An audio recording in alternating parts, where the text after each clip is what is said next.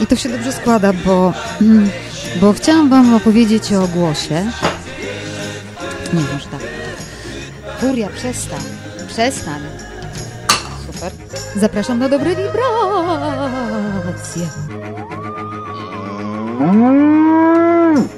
Pogadanki o głosie. Część 11. O tym, jak głos niesie ludzką energię w komunikacji online. Dzień dobry. Przyznam się od razu, że to sytuacja, która zmusiła większość nas do pracy online, sama podpowiedziała mi tematykę dzisiejszego podcastu. I fakt, że główną formą komunikacji stało się dzisiaj łączenie online, sprawiło, że postanowiłam osadzić kontekst głosu właśnie w tej konkretnej sytuacji, kiedy człowiek rozmawia z drugim człowiekiem bez bezpośredniego kontaktu.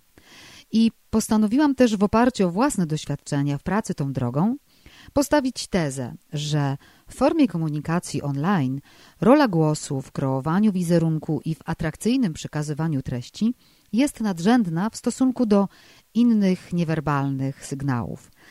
Dlaczego tak uważam? No po pierwsze dlatego, że w łączeniu online głos musi być wyrazistszy i atrakcyjniejszy, dużo bardziej niż w kontakcie bezpośrednim, a nasz słuch jeszcze bardziej czujny, choćby na pauzę. I to wszystko dlatego, że pojawiają się nowe bariery w tym rodzaju komunikacji, których nie ma w kontakcie bezpośrednim. Nadawca i odbiorca są osadzeni w różnych miejscach i działają na nich różne bodźce przez ten inny kontekst. E, poza tym bodźce, którymi my chcemy podziałać na odbiorcę, no i odwrotnie, tracą po drodze na sile. Często idą z tak zwanym opóźnieniem w czasie i ma na nie duży wpływ jakość przesyłu danych. Po drugie, ze względu na ograniczenie przez e, obraz wideo całego kontekstu sytuacji, w której mm, jesteśmy, to właśnie głos staje się dużo ważniejszym od gestów i mimiki nośnikiem emocji. No bo przez to, że nas najczęściej całych nie widać, nie ma zapachu, nie ma podania dłoni, odpada w tym wirtualnym przekazie cały ten rodzaj percepcji. Zwykle większość siedzi w kapciach albo boso, na przykład inni mają tylko założoną koszulę, a na nogach dresy. W tle na przykład może być jakaś żaglówka albo też inne wirtualne tło. No generalnie cały obrazek nas jest bardzo ograniczony, a bohaterowie są, jak ja to mówię, zaangażowani do połowy. Dlatego też siła sygnałów niosących emocje, która gaśnie w innych sygnałach niewerbalnych przez tę formę przekazu, powinna przenieść się właśnie do kanału głosu, żeby tych strat ludzkiej energii na łączach było jak najmniej. Ground control to Major Tom. Ground control to Major Tom. Take your protein pills and put your helmet on. Ground control to Major Tom. Commencing countdown engines on. Check ignition and may God's love be with you.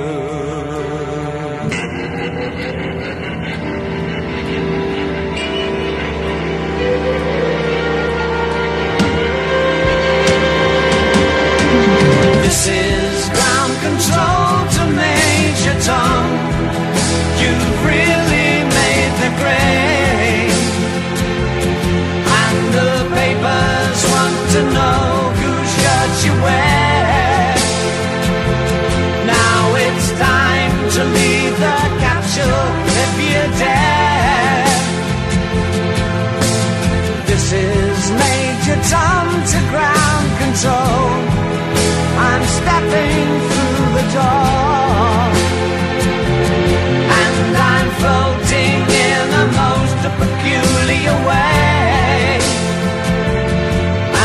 Stars look very different today. For here am I sitting in a tin can.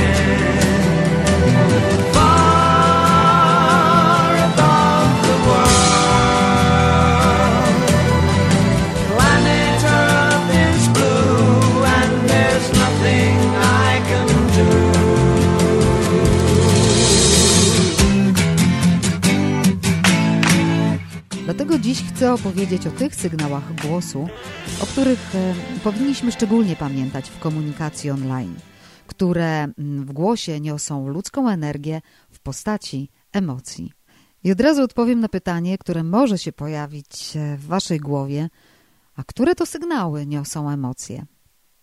A wszystkie. I jak pokazują najnowsze badania nad głosem, to od milionów lat ludzie używają bezsłownych wokaliz do komunikowania uczuć.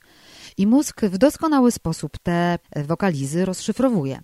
Otóż w głosie, który jeszcze nie ma kształtu głosek tworzących słowa, niesie się w warstwie dźwięków informacja o naszych emocjach. O zadowoleniu, o smutku, złości, radości, jednak pierwsze e, poważne eksperymenty związane z głosem i emocjami niesionymi właśnie w, w tym głosie przeprowadzili dopiero w latach 70. naukowcy z Genewskiego Instytutu i oni udowodnili, że bez znajomości znaczenia słów potrafimy odczytać treść emocjonalną, która jest zakodowana w głosie i że ona daje bezpośrednie wskazówki o stanie emocjonalnym rozmówcy. I te kody w głosie nazywamy prozodią, czyli brzmieniem mowy i na prozodię składają się sygnały głosu takie jak akcent, intonacja, sposób różnicowania sylab i głosek w czasie oraz rytm i tempo mówienia i barwa i wysokość.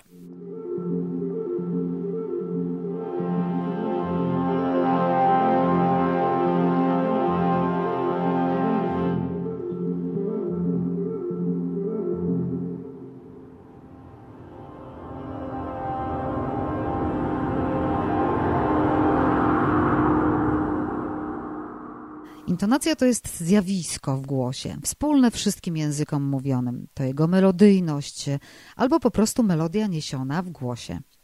I intonacja pozwala odróżnić pytanie od wykrzyknika i od stwierdzeń neutralnych. Ale oprócz tego zadania ona przekazuje zaskakująco dużo więcej informacji niż często sądzimy. Zdradza bowiem nasze emocje. Y, zastanówmy się, jaką może mieć gamę znaczeń, na przykład zwykłe, no jasne, no w zależności od intonacji. Może być powiedziane z ironią, no jasne, z radością, no jasne, z troską, no jasne, ze złością, no jasne. I wtedy jego znaczenie ma zupełnie inny wydźwięk, ponieważ to od melodii niesionej w głosie zależy emocjonalne znaczenie tego słowa. Są nawet języki tak zwane tonalne, u których nie tylko emocja, ale samo znaczenie zależy od tonu sylaby. Na przykład mandaryńskie słowo ma można wymówić na cztery różne sposoby. I to od tonu głosu zależy, czy oznacza ono mama, koń, konopie, klnąć, zrugać. I tak jest też e, w języku wietnamskim i chińskim, gdzie, gdzie można się naprawdę bardzo pomylić, źle intonując słowo. I dlatego nie bez powodu uważa się je za najtrudniejsze języki świata. Powinniście mieć świadomość, że intonacja jest integralną częścią naszej mowy i jej brak w głosie albo w piśmie prowadzi do różnych i dużych nieporozumień komunikacyjnych. To złe intonowanie treści powoduje brak zainteresowania nią u odbiorcy i tak zwany brak spójności z tym, co mówię, a jak mówię. I rola intonacji jest tak duża w komunikacji, że należy o niej pamiętać pisząc i rekompensować jej brak e, staranniejszym doborem słów, znakami przystankowymi albo emotikonem. Czas na akcent. Akcent to pewien rodzaj ataku, nacisku na sylabę i we wszystkich językach świata jego zadanie jest takie samo. Uwydatnić, wyróżnić, podkreślić, dać akcent na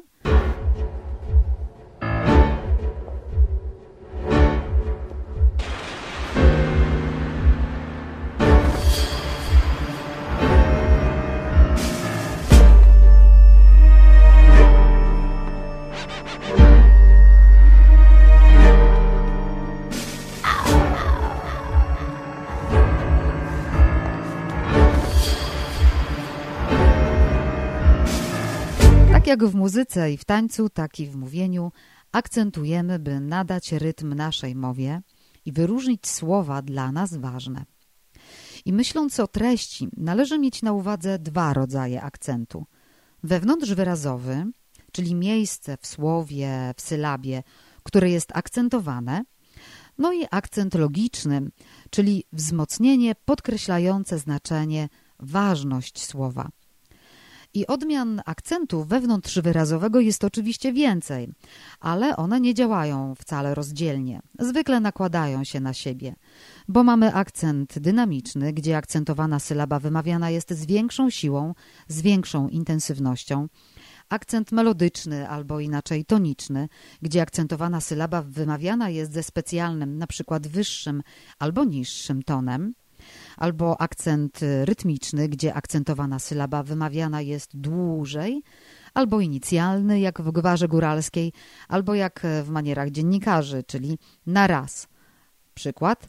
We Wrocławiu wydarzył się zamiast we Wrocławiu wydarzył się i oczywiście każdy język ma swoje własne normy wyznaczające miejsca, w którym pada akcent wewnątrzwyrazowy i w języku polskim akcent zawsze pada na przedostatnią sylabę. I choć norma wzorcowa mówi za wyjątkiem, to ostatnio te wyjątki zwolnił profesor Miodek, mówiąc, że nie jest błędem, jeśli akcent będzie padać zawsze na drugą sylabę od końca. Czyli jeśli powiecie matematyka, nie będzie to błędem. Akcent, który często traktujemy tak niedbale, jest dla głosu i sposobu mówienia swego rodzaju garniturem. Tak ja go traktuję, dlatego że nadaje rytm słowom, nadaje im elegancji i staranności. I często niesłusznie ślemy oskarżenie w stylu język polski jest okropny, Zanim sięgniemy po taki zwrot, postarajmy się najpierw zadbać o staranny akcent, o staranny akcent i świadomie akcentować w swoich wypowiedziach. Słowa dla nas ważne. Sposób różnicowania głosek i sylab w czasie. Co to za zjawisko? Mm, określa je pojęcie iloczas. Ale nie o definicję tutaj chodzi, tylko o to, by przekazać Wam, że tak jak w muzyce każda nuta ma swoją wysokość i ma też swoją wartość, która określa czas jej trwania, tak samo i w głosie każdy dźwięk ma swoją określoną długość trwania i nieważne, czy jest sylabą, czy głoską, to i tak powinien wybrzmieć. Jeśli nie wybrzmi dostatecznie dobrze, to po prostu zostanie zjedzony. Co to oznacza? Ponieważ głoski i sylaby w słowie to podstawowe wartości rytmiczne słów, więc jak się pewnie domyślacie, to zjadanie ich zaburzy ich rytm, zaburzy płynność słowa. Znaczy to dosłownie tyle, że brak wybrzmienia za krótki czas ich trwania da efekt podobny do tego, jakbyśmy w ogóle ich nie wypowiedzieli, jakby ich w ogóle nie było, coś w tym stylu. Za wcześnie na przygotowania, z wcześnie na przygotowania. Politycznie niepoprawne, politycznie poprawne. Jak słychać, takie potraktowanie dźwięków e, no, daje słaby efekt, bo słowa znaczą zupełnie coś innego albo w ogóle nic nie znaczą, a zaburzony rytm w nich wprowadza taki niepokój i nerwowość u odbiorcy. No i gdy trafi nam się osoba, której bardzo zależy na rozmowie, no to będzie próbował nas wysłuchać, zrozumieć, ale włączenie online taki scenariusz jest mało prawdopodobny. Większość po prostu się wyłączy i nie będzie nas słuchać, albo rozłączy się zdenerwowana. I to się często zdarza podczas webinarów, gdzie prowadzący, nie zdając sobie sprawy z ważności wybrzmiewania dźwięków, szczególnie w tej konkretnej sytuacji, no zjada je po drodze skutecznie. A odbiorcy jeden za drugim rozłączają się właśnie z tego powodu. Niestety niepłynność sylabowa występuje stosunkowo często w normalnej mowie, szczególnie w sytuacji tak zwanego stresu komunikacyjnego. No mówiąc inaczej, wszyscy w pewnych momentach takiej niepłynności doświadczamy. Jednak e, u pewnych osób pojawia się ona ze szczególną częstotliwością. I wtedy te osoby powinny popracować nad głosem, dlatego że ta częsta niepłynność w głosie uznawana jest już za patologię. Barwa i wysokość. No, gdybym sugerowała się tylko definicją prozodii, to w ogóle nie wspomniałabym o tych dwóch bardzo ważnych sygnałach głosu barwie i wysokości. No ale jako praktyk nie wyobrażam sobie pominięcia ich w rozmowie o emocjach niesionych w głosie, ponieważ pod wpływem emocji z tymi sygnałami potrafią dziać się różne dziwne rzeczy, które w efekcie najczęściej negatywnie wpływają na nasz wizerunek. Pierwszą ważną kwestią jest fakt, że nasz głos podwyższa się pod wpływem emocji Jak jesteśmy w coś mocno zaangażowani, to zwykle podnosimy głos i mówimy nie tylko głośniej, ale przede wszystkim wyżej. I w stresie albo pod wpływem tremy. E, choć najczęściej nie zgłaśniamy, tylko mówimy ciszej, sytuacja jest podobna. Znów mówimy wyżej. W sumie, gdyby nie fakt, że za atrakcyjne głosy mm, uważa się głosy niskie, a nie wysokie, to podwyższanie głosu mogłoby nie mieć takiego znaczenia.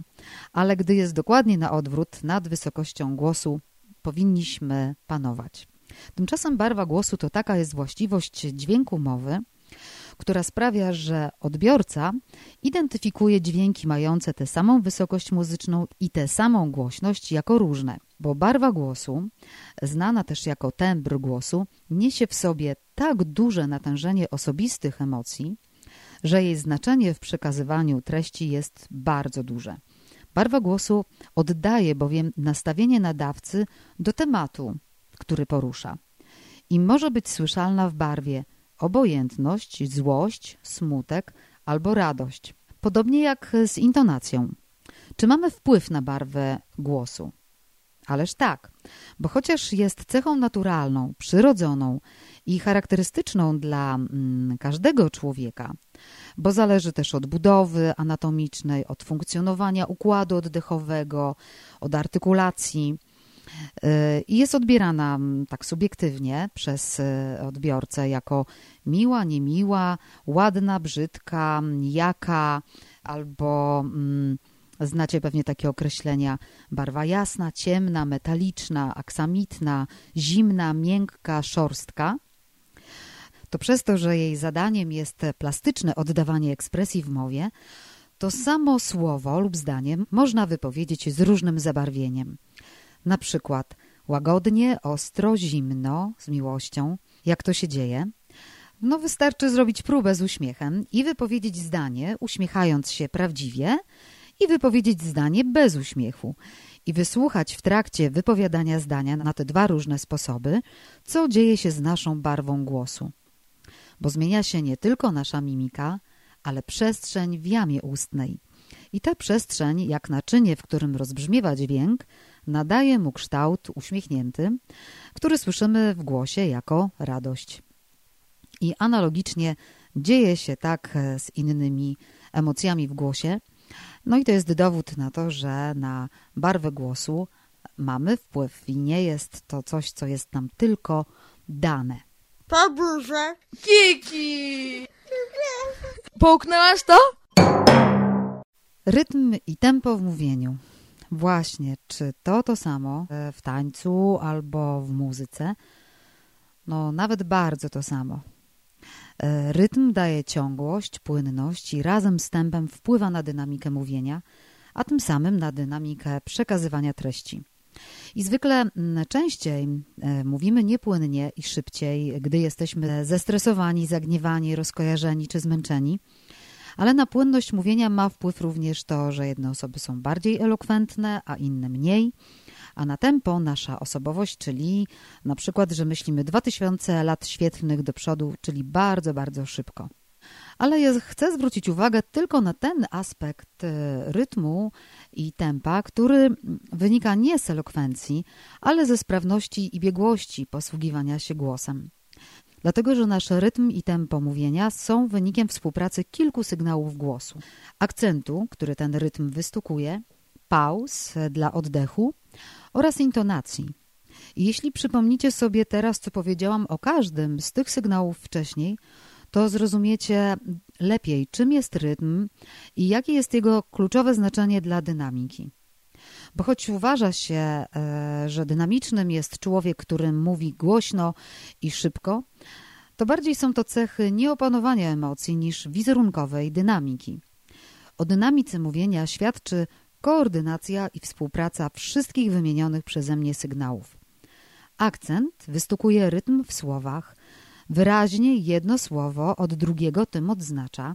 Intonacja niesie emocje, ale również wskazuje na zamknięcie myśli. Daje kropkę albo zawiesza myśl w pytaniu retorycznym. Pauza działa zresztą podobnie. Kończy myśl i daje czas odbiorcy na zbudowanie w wyobraźni obrazów e, idących właśnie z treści. I ta symbioza w głosie daje efekt finalny. przekaz dynamiczny i przyjemność słuchania osoby, która mówi rytmicznie. I ten rytm działa na nasz umysł jak rytm piosenki, zapada w głowie i jak kornik w niej rzeźbi. A co z tym tempem? E, no nie ma jednej uniwersalnej rady dla tempa mówienia. Na pewno w przekazie online nasze tempo musi być wolniejsze niż szybsze i musimy pilnować siebie i nie zaganiać tempa i innych, do których dociera nasz sygnał. I dobrze się stało, że użyłam słowa symbioza, bo za tym słowem wpadła mi kolejna myśl, kolejne skojarzenie, że że sygnały głosu dają taki ekosystem, ekosystem dla ludzkiej energii, która właśnie, jak już przepowiedział Spielberg w 1977 roku w swoim filmie Bliskie Spotkania Trzeciego Stopnia, właśnie dzięki dźwiękom może być przekazywana w komunikacji online.